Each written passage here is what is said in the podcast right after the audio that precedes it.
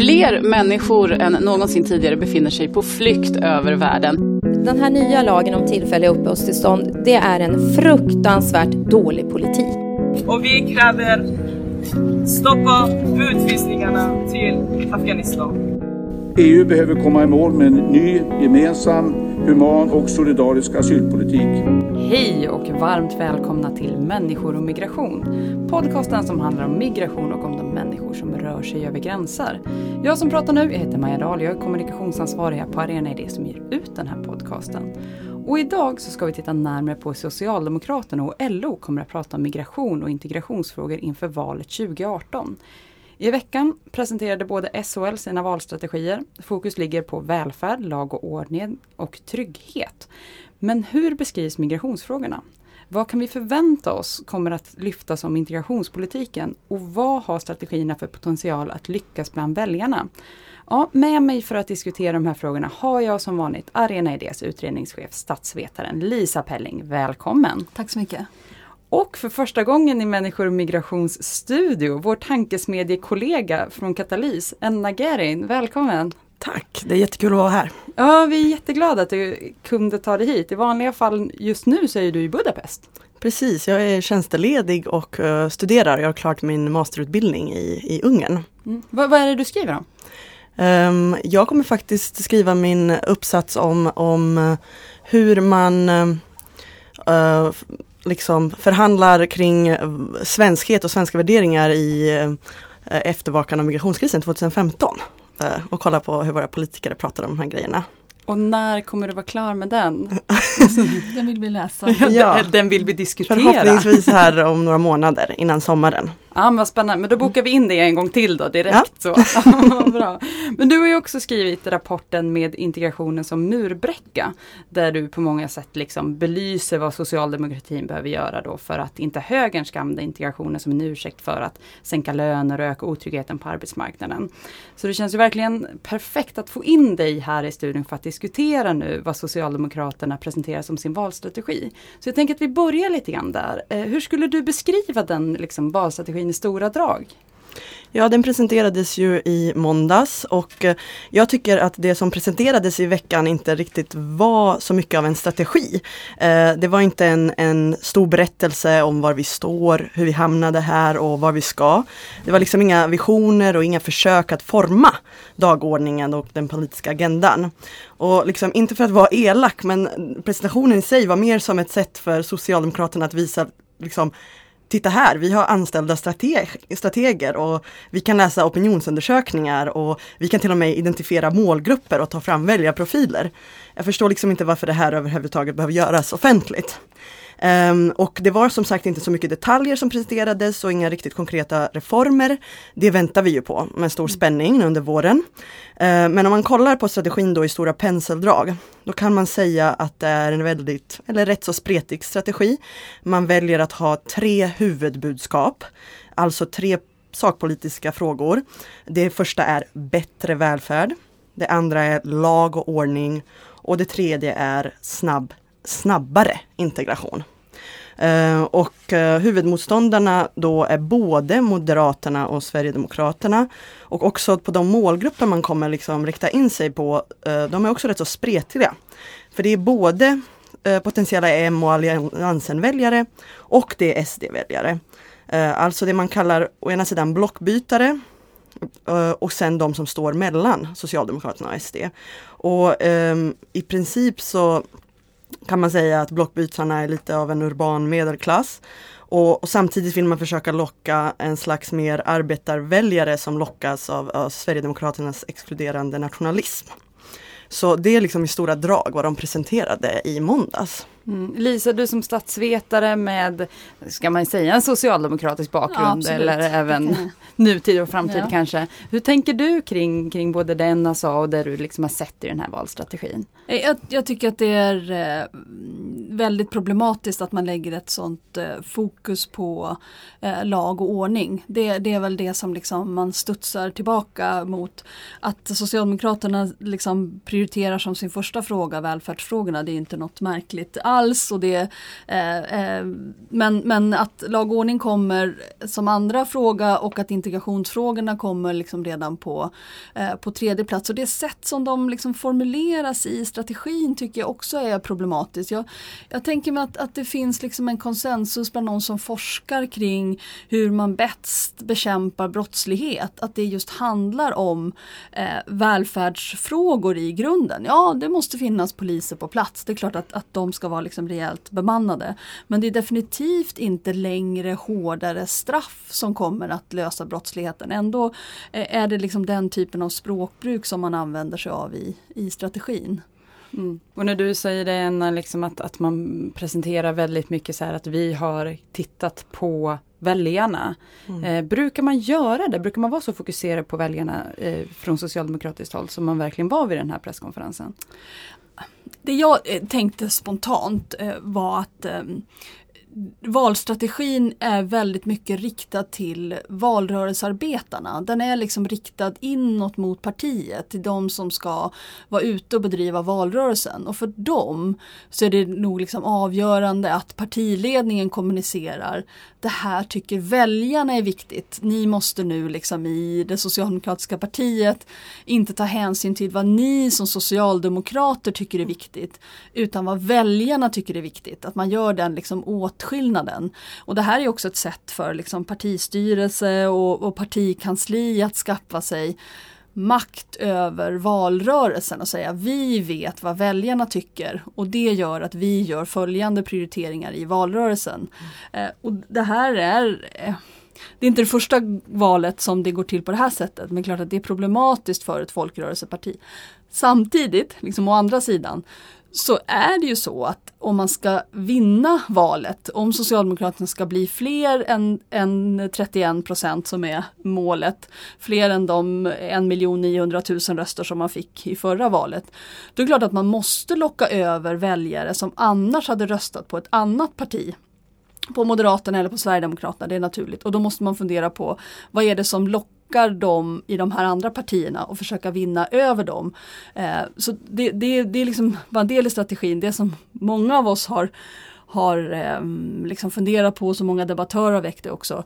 Eh, finns, är det säkert att det inte finns en potential också att vinna fler röster bland socialdemokratiska kärnväljare som kanske inte röstar alls eller som röstar på Sverigedemokraterna fast man mycket väl skulle kunna tänka sig att rösta på klassiska socialdemokratiska frågor som eh, välfärdsfrågorna. Mm. Vad tänker du om det Anna? Ja, alltså det, jag, jag kan bli väldigt frustrerad över att man, man pekar på de här opinionsundersökningarna och liksom slickar på fingret och håller upp det och kollar vart opinionerna går och, och sen följer man bara efter eh, på ett sätt för att eh, vi måste komma ihåg att, att eh, kriminalitet och brott och straff och lag och ordning är högt upp på agendan och att integrationsfrågorna är högt upp på agendan, det har ju en orsak. Eh, det har varit ett väldigt medvetet och stark opinionsbildning i flera år, sedan migrationskrisen. Väldigt mycket från eh, både Svenskt Näringsliv och de borgerliga partierna och sen har de SD också på det tåget. Eh, de har velat ha de här frågorna på, på dagordningen och de har lyckats sätta dem. Och nu kan jag också vara pragmatisk och, och erkänna så här, nu är lite dagordningen satt till viss del. Och nu får man acceptera att det här är det som eh, många oroar sig för och vill ha svar och lösningar på. Eh, så det är inget konstigt att, att man måste liksom eh, eh, ha svar och lösningar på det här. Men här tror jag att det är jätteviktigt att man då presenterar egna eh, radikala eh, svar och lösningar på de här frågorna från ett vänsterhåll eh, istället för att försöka till exempel triangulera eh, högern och SD på deras eh, lösningar eh, i de här frågorna. Och, och, det är det som oroar mig, att, att man inte kan liksom eh, vrida eh, på de här frågorna så att de verkliga eh, orsakerna till de här problemen säger, attackeras. När du säger triangulera, vad menar du då? Liksom? Eh, att man eh, försöker liksom avväpna sin motståndares argument genom att eh, anamma väldigt liknande ståndpunkter. Alltså Reinfeldt och Borg var väldigt bra på det i valet 2006. Att eh, hela tiden vad en Socialdemokraterna sa så sa de att de också tänker göra det. Eh, till exempel vi ska satsa jättemycket på välfärd och då skulle de också satsa lika mycket på välfärd. Så att de liksom, det blev ingen konflikt, det blev ingen konflikt där. Mm. Och jag tror lite att Socialdemokraterna har varit rädd för de här frågorna och att de tänker låt oss försöka triangulera bort dem. Låt, låt oss försöka liksom så att det inte blir någon konflikt. Vi står också för allt och de säger. Och det här tror jag blir väldigt, väldigt farligt. Mm. Jag tror också att, att eh, alltså, det som är intressant med socialdemokratiska väljare är att vi fortfarande har väldigt många väljare, alltså 31 procent. Eh, och och det är väldigt många människor som lite på default liksom röstar på sossarna. Man måste nästan liksom övertala, övertala dem att inte rösta, rösta på Socialdemokraterna. Och därför tror jag det är viktigt att just mobilisera den här kraften i de här kärnväljarna eh, och i de breda löntagarna och i arbetarklassen. För jag tror att om, om vi antisem, liksom antisemimerar våra egna så kommer också andra hoppa på det tåget. Det är en, liksom ett, ett annat sätt att försöka få med sig folk från eh, andra håll. Och absolut från soffan. Eh, jag tror att det här är ett jätteproblem om man inte lyckas eh, få sina väljare att gå och rösta. Ett exempel som är jättetydligt är valet i USA 2016 där man måste hela tiden påminna sig om att det var Trump Uh, som, han vann inte, utan det var Clinton som förlorade. Uh, det var inga fler människor som röstade på Republikanerna än i de föregående valen, utan det var massvis med demokratiska röstare som inte gick och röstade.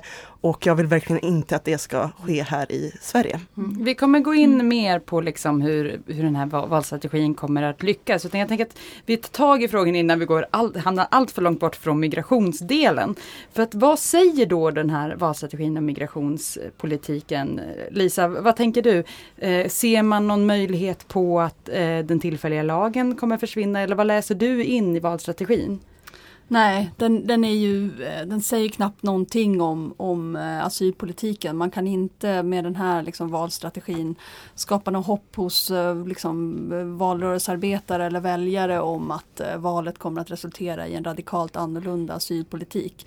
Tvärtom så, så kan man liksom utläsa att den tillfälliga asyllagstiftningen kommer att bli kvar. Åtminstone är det ingenting som man går till val på att man vill förändra och där, där vill jag liksom hålla med Enna. Vi kommer kanske återkomma till det också att, att eh, budskapet till alla de som är engagerade i den här frågan är inte gå ut nu och engagera er i valrörelsen så att vi får en rödgrön regering.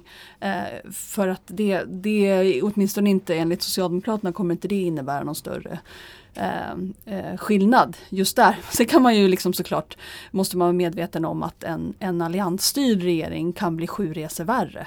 Eh, med tanke på liksom den politik som, som Moderaterna eh, går ut med nu så handlar det inte längre om att liksom, fortsätta skärpa asylpolitiken utan till och med sätta ett tak för hur många eh, asylsökande som Sverige överhuvudtaget tänker ta emot. Kanske ersätta flyktingkonventionen med ett kvotsystem.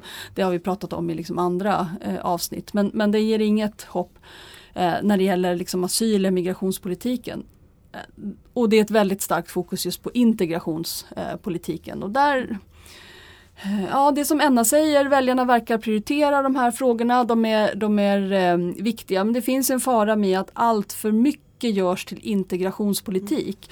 Arbetslöshet, eh, låga löner, osäkert arbetsliv, det är inte integrationsfrågor. Det är frågor som i sin egen rätt är viktiga och borde lyftas fram som de frågor som de är och inte egentligen har någonting med eh, människors eh, födsloort att göra. Mm.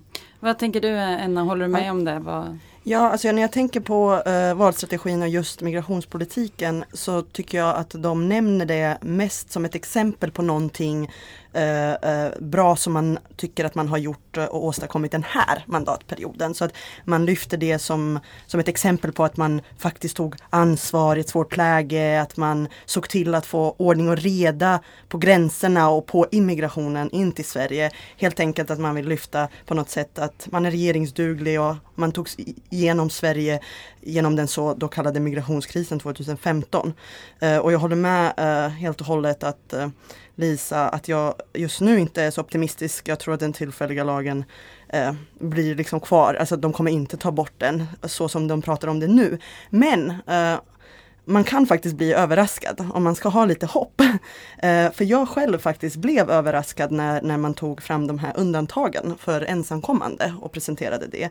Eh, att man alltså ville ge många unga en andra chans. Eh, och då är det väldigt viktigt att komma ihåg att det finns verkligen två olika slags krafter inom eh, S när det kommer till de här frågorna. Vi har många, många gräsrötter eh, och till exempel Tro och solidaritet med Ulf Bjäreld i spetsen som eh, driver verkligen på för en mer human migrationspolitik. Sen å andra sidan så finns det andra krafter som vill ha den här hårda. Eh, jag såg häromdagen eh, Stig-Björn Ljunggren tror jag som hade en, en, en debattartikel i Aftonbladet som jag tycker var eh, rätt så oseriös och väldigt alarm, alarmistisk. Eh, där han precis menade att om man gav dessa ungdomar som har rotat sig i Sverige i flera år en, en möjlighet till utbildning och en chans att få stanna, då kommer Socialdemokraterna förlorar valet. Det tycker jag är liksom väldigt, väldigt cyniskt. Så det här visar liksom på att mm. det finns väldigt stora krafter inom Socialdemokraterna som, som vill ändra på det här och att man faktiskt kan engagera sig inom Socialdemokraterna för att försöka pusha mm. för det här. Så allt hopp är liksom inte, mm. inte över men just i den här valrörelsen finns det kanske inte så många ljuspunkter. Sen är det ju också liksom historieskrivningen. Vad var det som hände hösten 2015 och vad var det som ledde till att det kom radikalt färre asylsökande till Sverige Sverige under våren 2016 när den hade kommit under hösten 2015. Var, det, var anledningen till att så många färre kom till Sverige att gränserna i Europa stängdes? helt egentligen utan Sveriges liksom eh, Sveriges agerande gjorde kanske knappt till eller från. Möjligtvis så medverkade vi till gränsstängningen genom våra egna gränskontroller på Öresundsbron. Det kan till och med vara så att gränskontrollerna på Öresundsbron var den enskilda åtgärd som hade effekt när det gäller antalet asylsökande i Sverige. Och vi genomförde liksom en asylpolitik som innebär att vi lägger oss på den europeiska botten som innebär att människor får uppehållstillstånd som räcker i 13 månader som innebär att två tredjedelar inte längre har rätt att återförenas med sin familj. Det är det här som är de två saker som ligger, som är den politik som Magdalena Andersson försvarar med orden vi kan inte ha en politik som radikalt skiljer sig från andra europeiska länder. Nej men kan vi ha en politik som innebär att människor får tillfällig uppehållstillstånd i 13 månader. Kan vi i längden ha en politik som innebär att två tredjedelar av de som får skydd i Sverige inte får återförenas med sin familj? Det borde man ju liksom väcka upp i valrörelsen eh, eh, igen. Och, och, och, och, det är liksom, liksom, liksom skaver i så många av oss. Tänk om detta är fel. Tänk om man, de här två åtgärderna egentligen är onödiga. Mm. Även om man är övertygad om att man vill begränsa antalet asylsökande. Tänk om de här två åtgärderna har som enda effekt att det blir oändligt mycket svårare för de människor som faktiskt får skydd här att integrera sig och därmed liksom gör det omöjligt att uppfylla den tredje delen av valstrategin, det vill säga att förbättra integrationen. Hur ska integrationen funka för den som har tillfällig uppehållstillstånd? Hur ska de kunna lära sig svenska, fokusera på kompletterande yrkesutbildning, skaffa sig fotfäste på arbetsmarknaden när familjen är kvar i Aleppo? Jag tänkte ja. att vi skulle komma till det, alltså, precis som du nämnde eh, innan, eh, så är ju ett av de tre benen som eh, liksom valstrategin står på är ju snabbare integration. Eh, och då med det som Lisa säger här att det, det, finns liksom inte riktigt något jättehopp om att den här tillfälliga lagen försvinner. Det vill säga att det kommer vara tillfälliga uppehållstillstånd och ingen familjeåterförening för de som blir alternat eller får skydd som alternativt skyddsbehövande. Hur kan man då förvänta sig att den här äh, snabbare integrationen ska gå till? Vad är det för någonting vi kan förvänta oss från den här valstrategin kring just integrationsfrågorna? Um, ja, alltså jag håller helt med att det som skaver integrationspolitiken är såklart de här delarna av migrationspolitiken som påverkar alla människor som redan är här. Eh, Lisa sa det, tillfälliga uppehållstillstånd och restriktiv eh, familjeåterförening. Det är enorma bromsklossar för just eh, integrationen. Eh, och här har man faktiskt helt enkelt valt att offra integrationen på den hårda migrationspolitikens altare. Eh, men, men det, jag tycker också samtidigt, i andra handen så gör faktiskt Socialdemokraterna egentligen väldigt bra grejer eh, när det kommer i integrationsfrågor på andra delar. Eh, så eh, till exempel så visade jag ju i min rapport eh, på Katalys hur, hur borgerliga då, om vi kollar på högern, eh, hur de borgerliga partierna och hur Svenskt Näringsliv liksom blossar upp integrationsfrågan häftigt i ett försök att liksom använda den som en murbräcka för att sänka löner, för att avveckla vår sammanhållna svenska arbetsmarknadsmodell och eh, slå sönder faktiskt vår generella välfärdsmodell genom att man vill börja skikta tillgången på välfärdsservice mellan olika grupper. Och eh, jag tycker att Socialdemokraterna har faktiskt varit väldigt bra på att bejaka just den här konflikten. Eh, som innebär att integration handlar om klassiska liksom, vänsterfrågor, Om arbetsmarknaden och välfärden och inte om mer så kulturella frågor om svenskhet. Så jag är faktiskt eh, rätt så optimistisk kring det här fokuset på snabbare integration.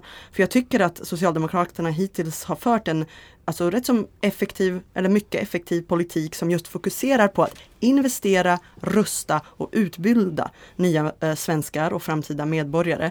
Så de kan ta de som, jobben som faktiskt finns och komma in i samhället så snabbt eh, som möjligt. Så här finns verkligen en stor skillnad på hur man ser på integrationen eh, mellan eh, högern och vänstern. Sänkta löner versus utbildning och rusta. Sen kan jag också tycka att man, man inte riktigt vill gå in och förklara, eh, liksom, man försöker dölja den här investera i människor-politiken med att det ska låta hårt och plikt och vi tvingar dem och de måste och vi ställer krav. Eh, det är en retorisk fråga. Vad man egentligen gör med de här satsningarna är faktiskt att man väljer att investera i människor eh, och rusta dem och det är väldigt bra.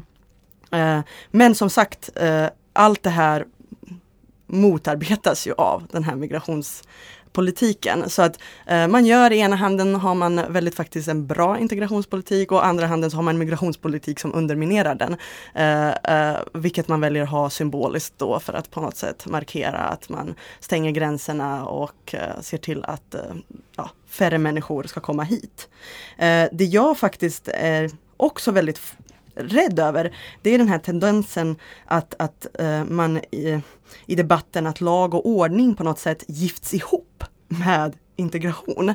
Det är det som lite oroar mig när jag ser att först kommer liksom lag och ordning och sen kommer snabbare integration. Um, för att uh, jag tycker att det finns en tendens att brott och straff, gängkriminalitet och våld på något sätt enbart ses som effekterna av kanske migration och misslyckad integration. Det här tycker jag då eh, högern är väldigt bra på att försöka eh, gifta ihop.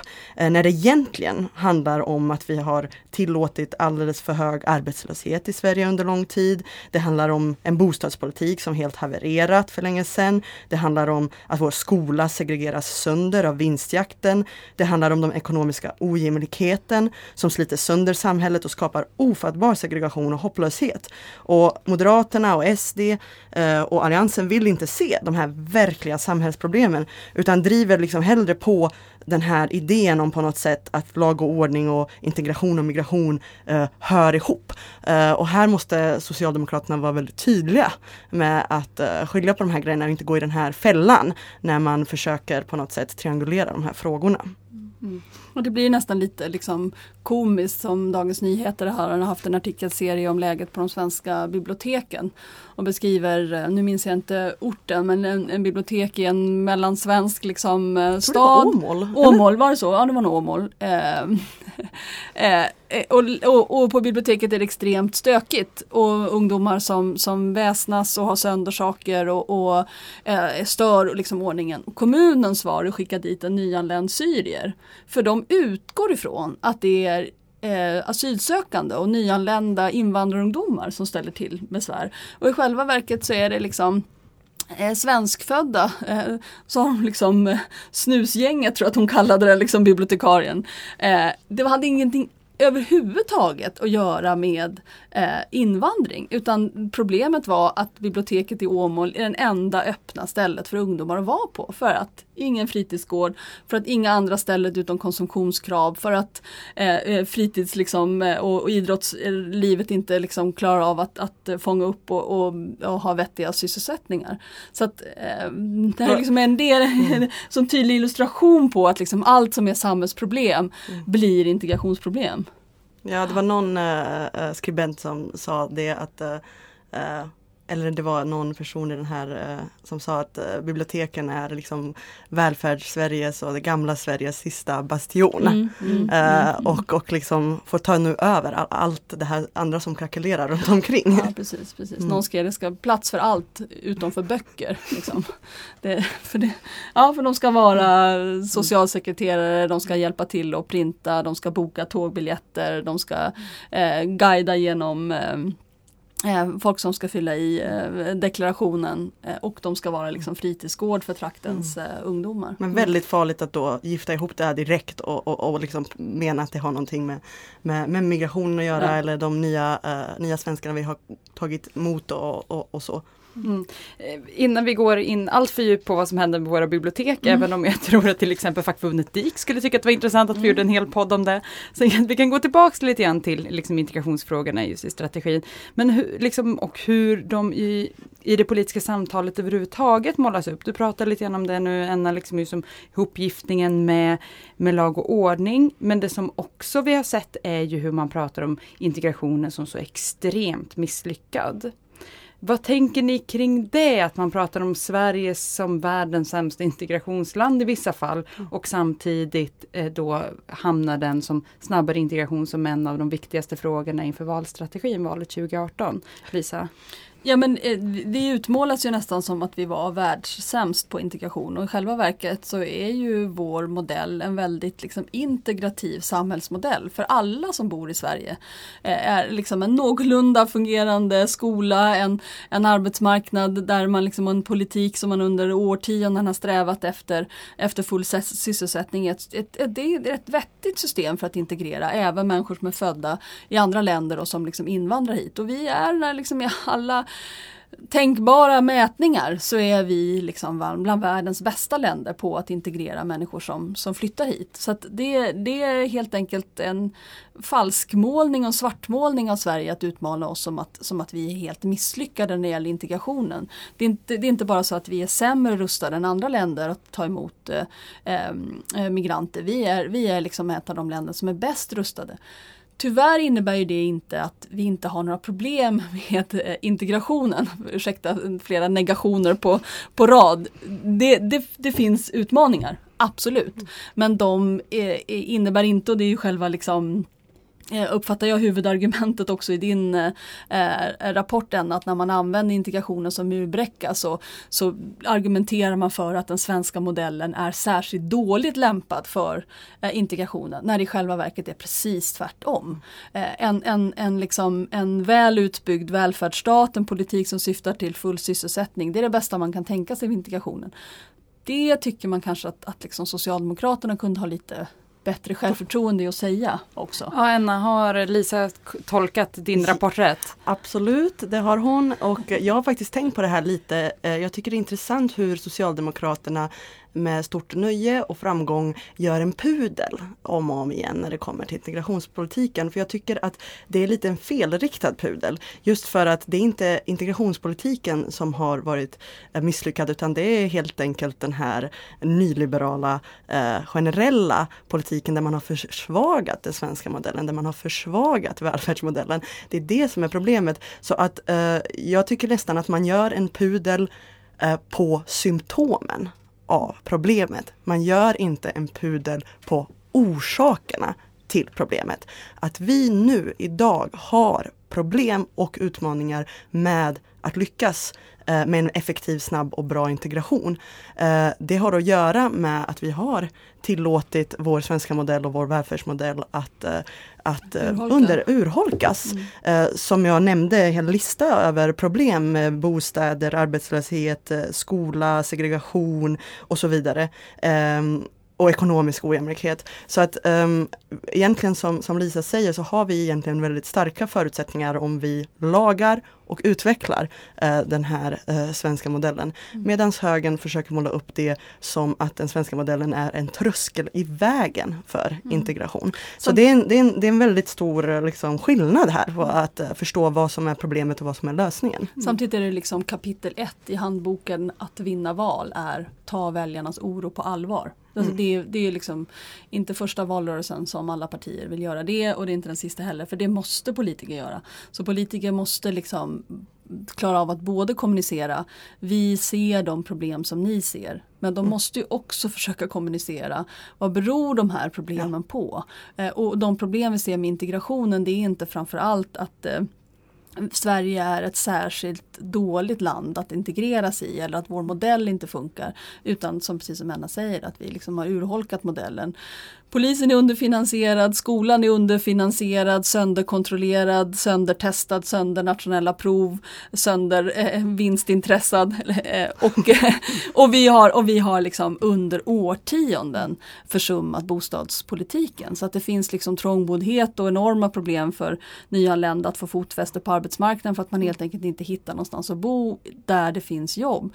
Det, det, ja, det är inte invandringsproblem utan välfärdsproblem. Jag har nästan tänkt på att, eh, alltså, jag håller med, alltså man måste säga, vi ser problemen med lag och ordning, vi ser problemen med polis och brott och straff och kriminalitet, vi ser problemen på, med integrationen.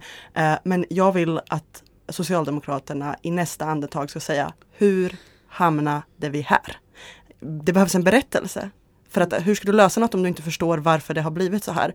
Så det är liksom min uppmaning. Eh, liksom bekräfta de problem och den oro som finns och sen börja med hur hamnade vi här? Och hur kommer vi härifrån? Så enkelt är det på något sätt och ändå inte.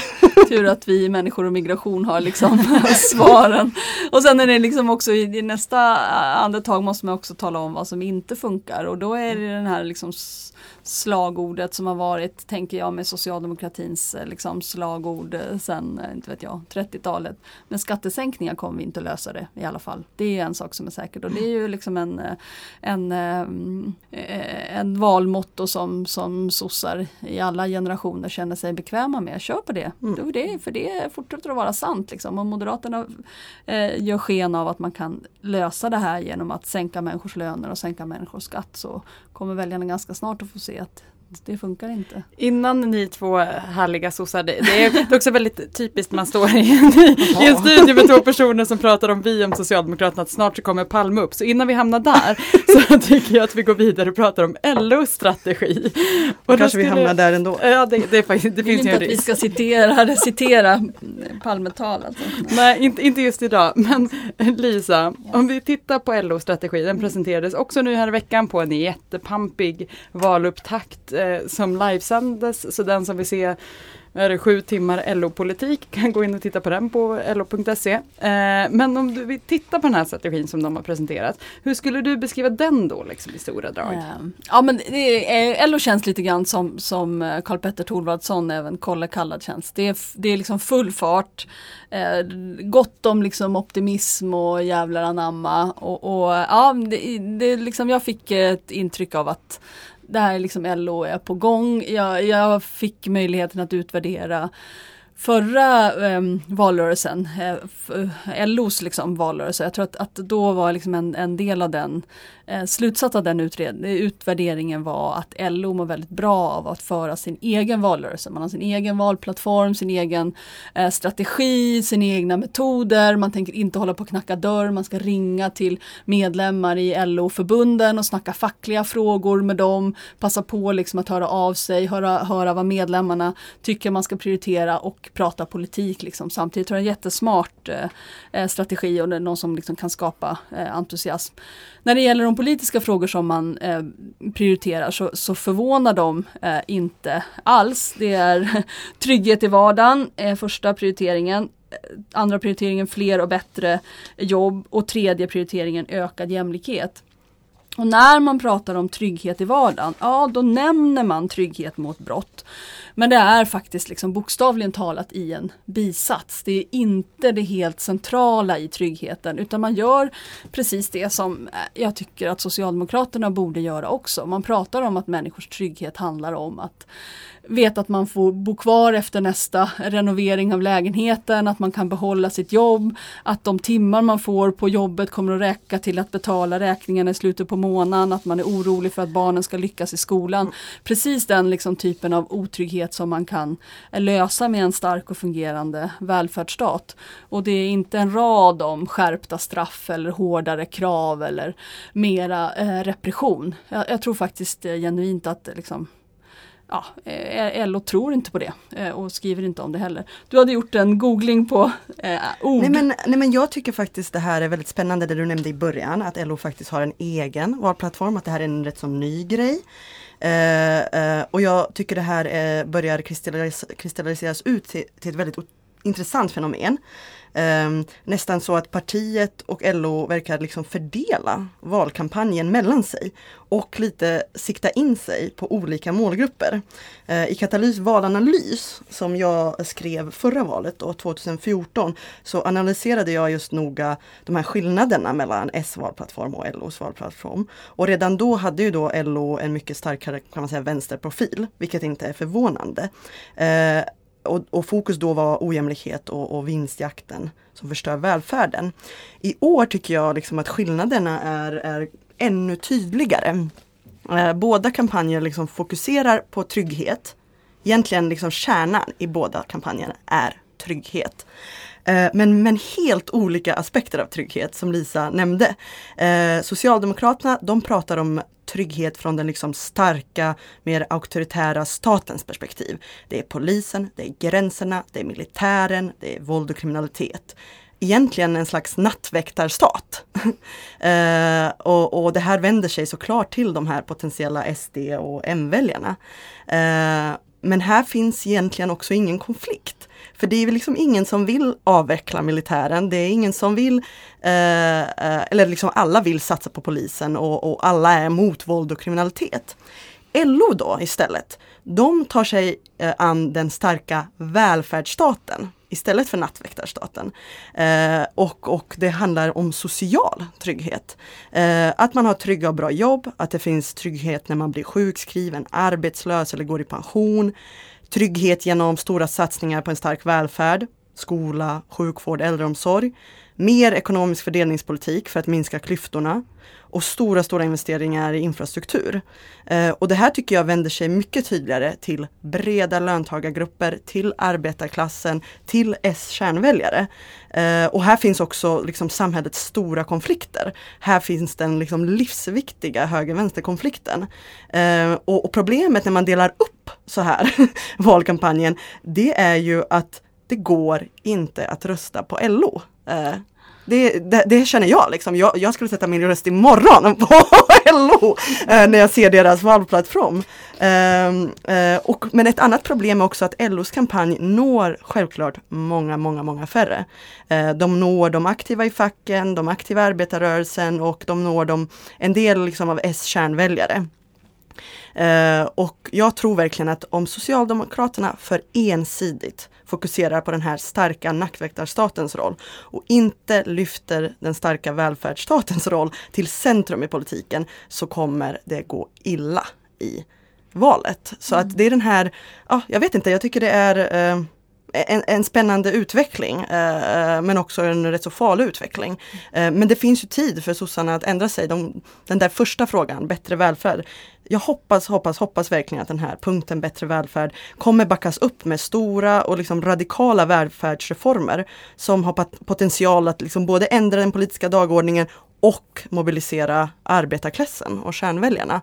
Så ja, vi har stora förväntningar. Mm. Nu sa ju du den att du hade gärna gått och röstat på LO ja, utifrån den här plattformen. Eh, och man kan ju inte göra det. Men däremot så är LO väldigt tydliga i sin strategi att de ställer sig bakom Socialdemokraterna.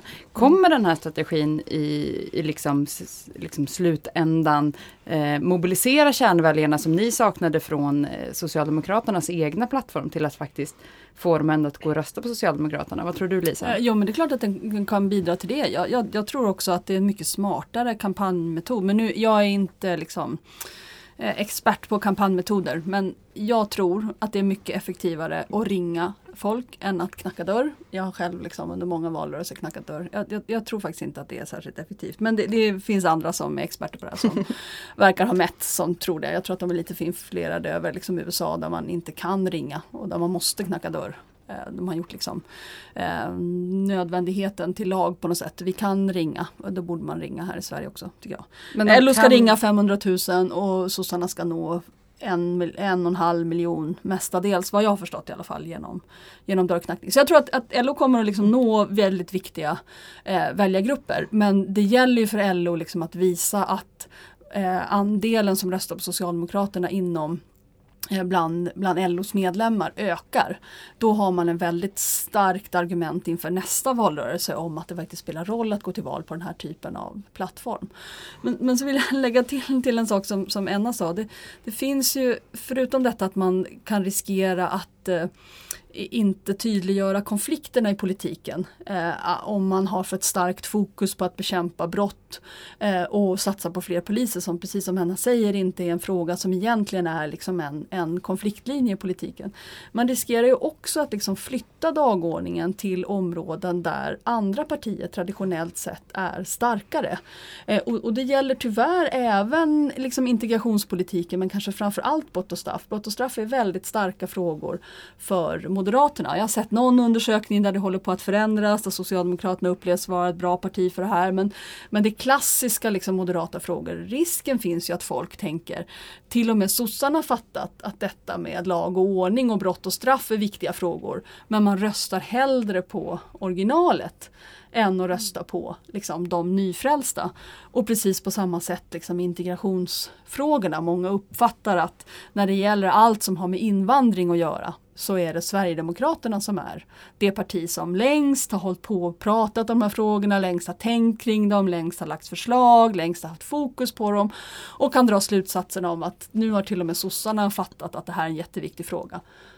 Det är ännu en anledning till att rösta på Sverigedemokraterna. Istället så borde man försöka vända liksom frågan åt ett annat håll. Men jag skulle inte vilja vara valstrategist. Strate Nej, det är jättesvårt. Det är lätt att stå från sidan och eh, liksom peka på vad som kan göras bättre. Ja, det, man sitter lätt. verkligen i en, en sits liksom, eh, som är svår. Mm. Om vi vill liksom gå tillbaka då till LOs valstrategi. Eh, finns det någon hopp där kring liksom integration och migrationsfrågorna? Vad, vad tänker du Anna? Alltså LOs valplattform den går in på väldigt många detaljer kring satsningar som bör göras. Men den nämner inte integration en enda gång. Jag gjorde en sån här liten sökning. Eh, och jag tycker det är faktiskt lite olyckligt för att exakt alla de förslag, och det är väldigt många, som presenteras, de skulle bidra till en snabbare, en effektivare och en bättre integration för liksom våra framtida medborgare. Så man missar här att förklara varför den här fantastiska välfärds och jämlikhetspolitiken som man vill ha eh, skulle egentligen vara den absolut bästa integrationspolitiken. Mm. Så egentligen kunde man bara lagt till ett stycke i slutet av alla de här satsningarna och sagt det här, mina kära väljare och svenska folket, kommer eh, bidra till en snabbare och effektivare och mycket, mycket bättre integration av, eh, av de som har eh, anlänt till Sverige de senaste åren. Mm. Eh, så att här missar man verkligen en chans.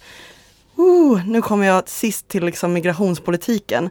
Um, och den, den, den, den, nämns faktiskt bara en enda gång i valplattformen. Eh, och det är i inledningsstycket där man säger i princip bara meningen Vi vill ha ordning och reda i migrationspolitiken.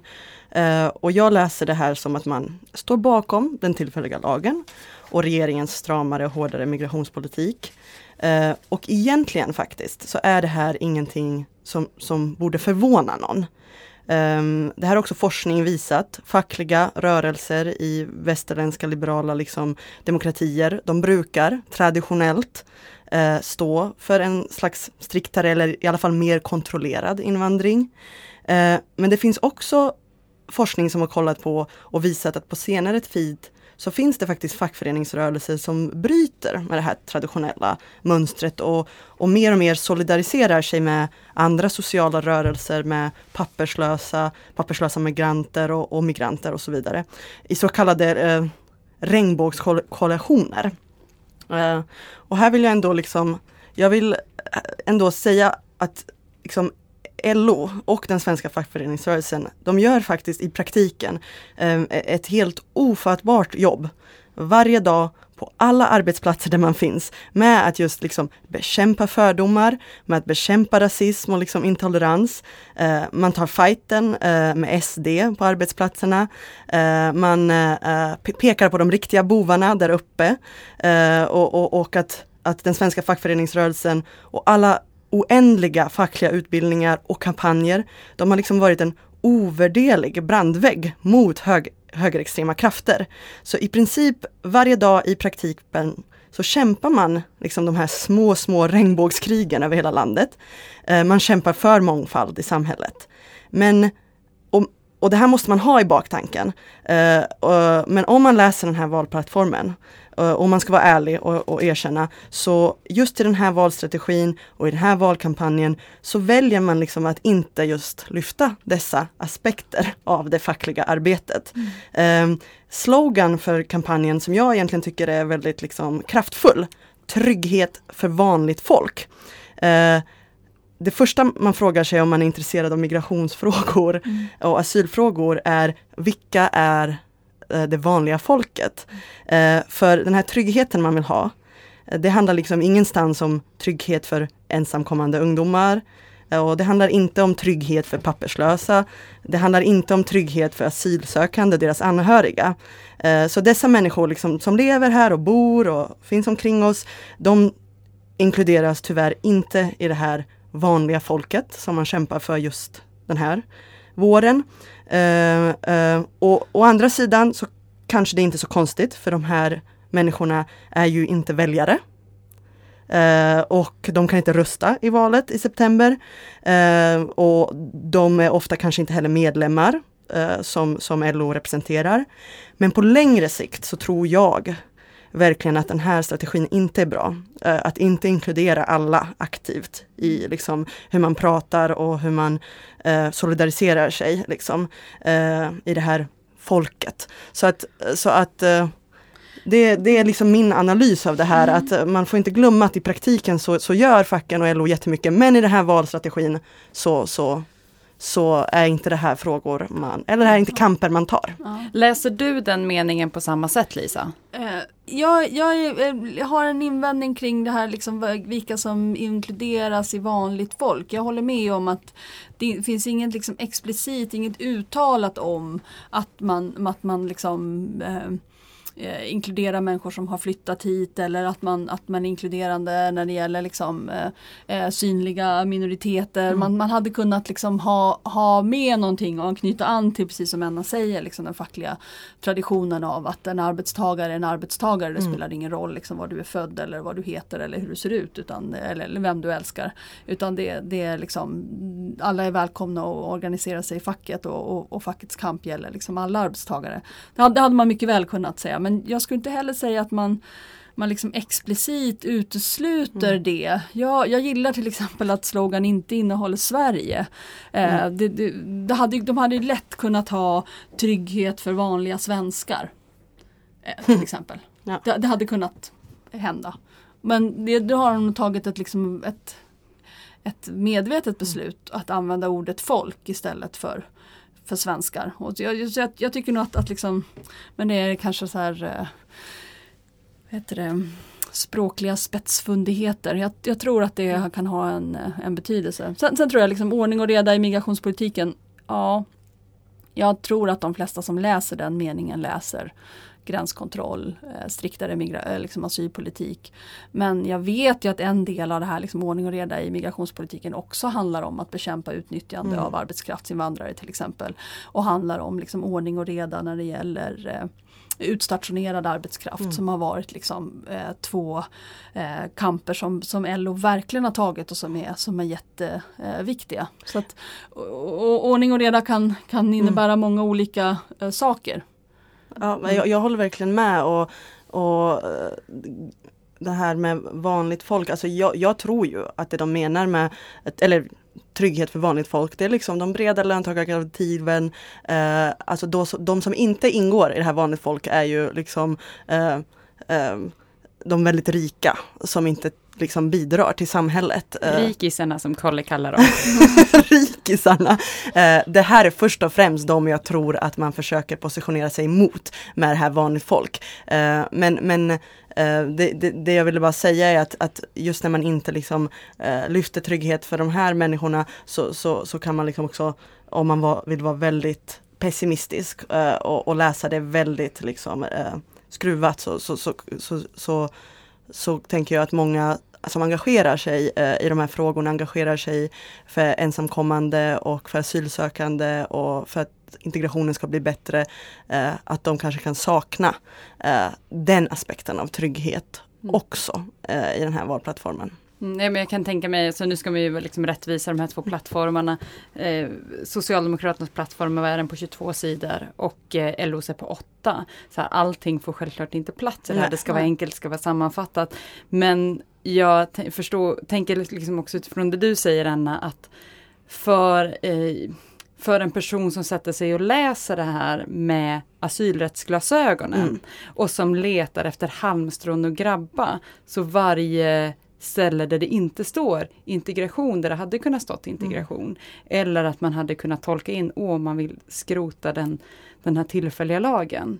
Varje sån missat tillfälle mm. gör ju att man tappar hoppet också. Eller vad ja. tänker ni? Hur vad deppigt. Ja. ja men du har rätt, du har rätt Maja. Ja, ja, ja, ja, nej det finns inte, det finns inte så mycket eh, hopp eh, LOs plattform är bra för att man gör ett försök att formulera trygghet som något som handlar om mm. mer än, än liksom saker man kan lösa med hårdare straff, vad man mm. nu kan lösa med hårdare straff. Eh, det är liksom mycket oklart. Men, men det finns uh, faktiskt hopp. Mm. Och det är ju ett, att den politik man föreslår mm. den skulle, skulle, förbättra integrationen. Den skulle ja. förbättra integrationen men den skulle också ge utrymme för att hjälpa fler och ha en mindre restriktiv uh, uh, integrationspolitik. Mm. Det är bara liksom att, jag tycker man ska se det här för det vad det är. Det är en valstrategi, det är en valplattform. Det här är de nästkommande åtta månaderna. Eh, man riktar in sig på att vinna makten och man gör de här strategiska valen. Eh, och det brukar faktiskt ofta bli så tyvärr i politiken. Alltså man ska inte hitta hopp om migrationsfrågorna i just eh, valkampanjer. Mm. För att i västerländska, det finns också forskning kring det, jag kan mm. dela med mig, så, så är det tydligt att, att, att eh, politiker brukar ta den här mer liksom, hårda staten, gränser, eh, eh, liksom, positionen. Så att just partipolitiken är kanske inte i ett valår det stället man kan leta eh, mm. efter det här. Sen kan man självklart alltid försöka engagera sig inom partierna och försöka pusha dem. Det, det är liksom åt rätt håll. Det, det tror jag är jätteviktigt. Mm. Jag tänker när vi ändå nu pratar liksom om vad vi kan förvänta oss av partierna, vad vi kan hoppa, hoppas på. Så tänker att vi kliver över andra sidan blockgränsen. För Moderaterna hade ju även de nu i veckan presenterade även de liksom sin valstrategi. Eh, och de gjorde det torsdagen den, den första Eh, februari så stod Gunnar Strömmer som är partisekreterare för Moderaterna och berättade hur de kommer att göra. Vad, vad skulle du säga, finns det, finns det något hopp där Enna? Är det där vi ska luta oss för hoppet om migrationen? Absolut inte. Eh, så om, om man känner sig eh, lite nedslagen kring kring arbetarrörelsens take på de här frågorna så blir man skräckslagen när man kollar på Moderaterna. Alltså, så det är också ett, ett stort liksom, skäl faktiskt skulle jag säga till också att engagera sig för att stoppa en alliansregering, en SD eh, med inflytande från SD. Um, ehm, eh, för där är det ju liksom så här eh, hårdare tag gånger tusen. Uh, och um, det jag tycker är liksom de, de två sakerna jag tycker är mest oroande det är den här eh, lite implicita kopplingen mellan på något sätt brott, straff eh, och invandring och integration. Eh, det är två frågor som de eh, kommer liksom eh, prioritera och de gör det väldigt sammansmält på något sätt. Ehm, egentligen en SD-taktik. Eh, det är oroande. Sen är faktiskt deras eh, förslag på Eh, Eh, både migrationspolitiken, alltså att man ska permanentera den, man ska göra ännu hårdare, striktare, eh, ännu fler, eh, liksom färre människor ska få komma. Eh, men jag tycker ändå att, att vi har en situation nu när vi har väldigt många eh, nya eh, människor här i Sverige och där integrationsfrågan är helt avgörande. Och här vill eh, Moderaterna eh, gå in på en taktik som har använts väldigt mycket uh, i, i, resten av Europa. Uh, jag vet faktiskt inte vad det heter på svenska, men inom forskningen så kallar man det civic integration. Uh, och vad ska man översätta det? Medborgerlig integration eller? No. Jag, jag, kan, det, det, brukar kallas civic integration mm. och det är att man vill liksom det är en slags paternalistisk Eh, och väldigt så här, tvingande slags integrationspolitik där man eh, vill ställa krav, krav, krav, krav. Eh, och det handlar då om att egentligen, det här tycker jag är väldigt spännande, att höja trösklarna man ska göra det svårare mm. eh, för eh, eh, människor som har kommit hit att komma in i eh, samhället. Eh, och varför? Varför skulle man vilja göra det svårare? Eh, och, och då är det så att man vill göra det svårare enbart egentligen, precis som migrationspolitiken är, det är en symbolpolitik. Eh, man eh, ställer krav på eh, språktest och man ställer krav på att uh, man måste ha pengar och man ställer krav, uh, man liksom villkorar olika stöd och bidrag på att man måste prestera. Uh, och absolut en, en farlig, farlig väg. man gör det svårare att få svenskt medborgarskap. Så allt handlar om att liksom att visa med symbolisk politik mot Uh, resten av landet eller liksom mot de som uh, är etablerade och bor här länge. uh, att man på något sätt eh, ställer krav. Mm. Eh, det, det, här är jättetydligt. Alltså mm. alla förslag de har lagt fram, kollar man i deras valplattform så, så kommer de köra stenhårt på det här. Mm. Uh, och det här är faktiskt verkligen inte, det här är inte en politik för integration. Uh, uh, jag funderar faktiskt på att skriva, jag vill skriva en rapport om det här för att jag, jag har börjat samla på mig massa, massa forskning till de här frågorna för att det vi kan göra är faktiskt att se eh, i resten av Europa. Vad har det här lett till? Mm. Eh, för att det är många länder som har anammat den här politiken. Och forskningen, eh, alltså det finns nästan ingen forskning som visar att det här eh, leder till en effektivare och bättre integration. Mm. Eh, det, det, blir inga sådana resultat av, av sån här kravfylld integrationspolitik. Nej. Nej, nej, nej, verkligen. Jag håller, jag håller helt och hållet med om det. Det är liksom verkligen en, en, politik som handlar om krav och kontroller snarare om än att riva liksom, hinder för integration och möjliggöra integration och underlätta integration.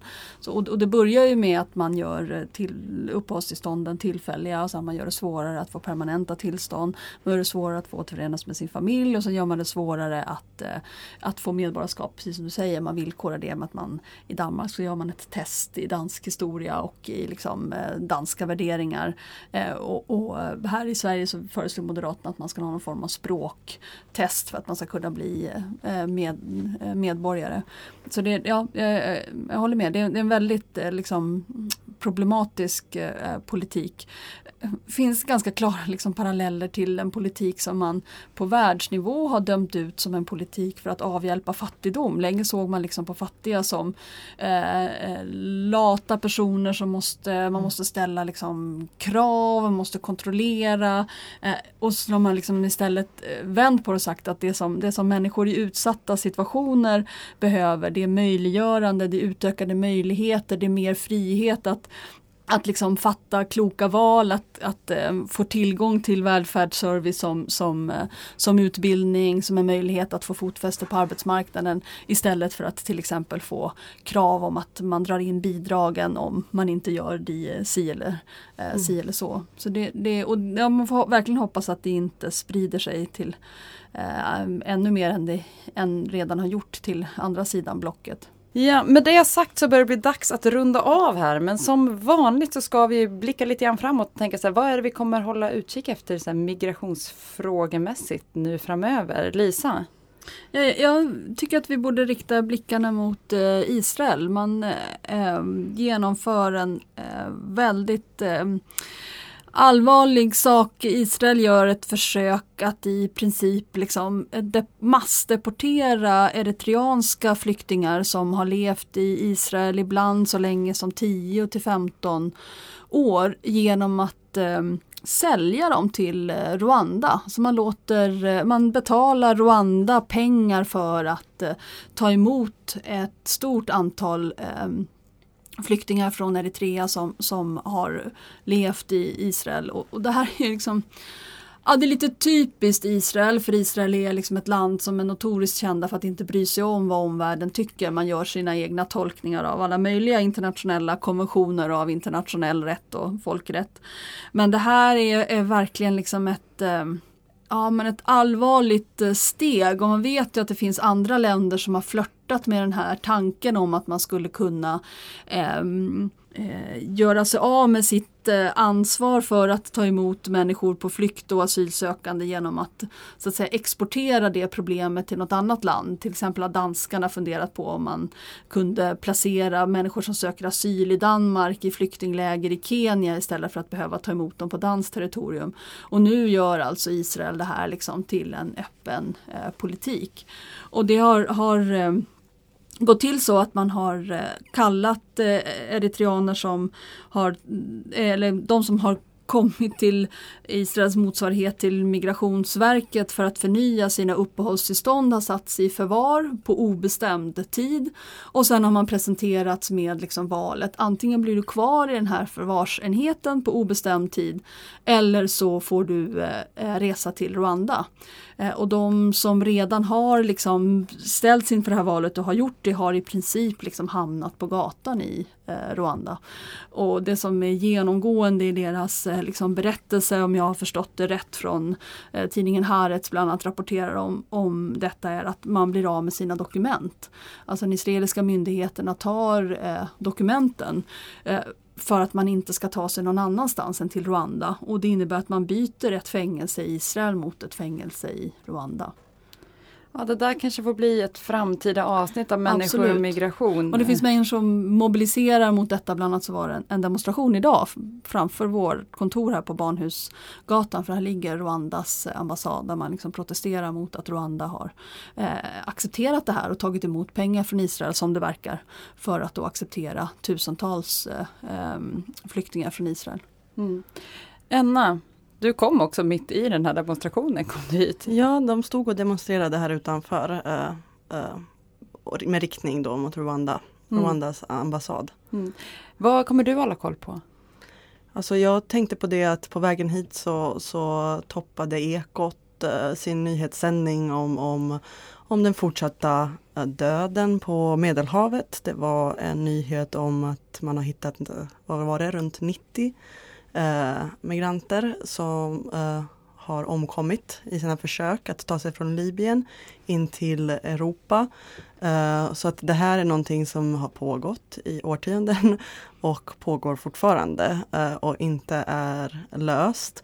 Eh, I den här frågan så, så finns det också eh, farhågor att EU kanske gör någonting i riktning det som Lisa precis pratade mm. om kring kring att man försöker på något sätt eh, avlägsna migranter till tredje land och då finns det ju en risk att det blir sådana här slags flyktingmarknader där man sätter ett pris på olika människor från olika ställen. Alltså det är helt uh, sjukt. Men, men det här är någonting som man verkligen borde kolla på och om, om man kommer se det här som en förebild.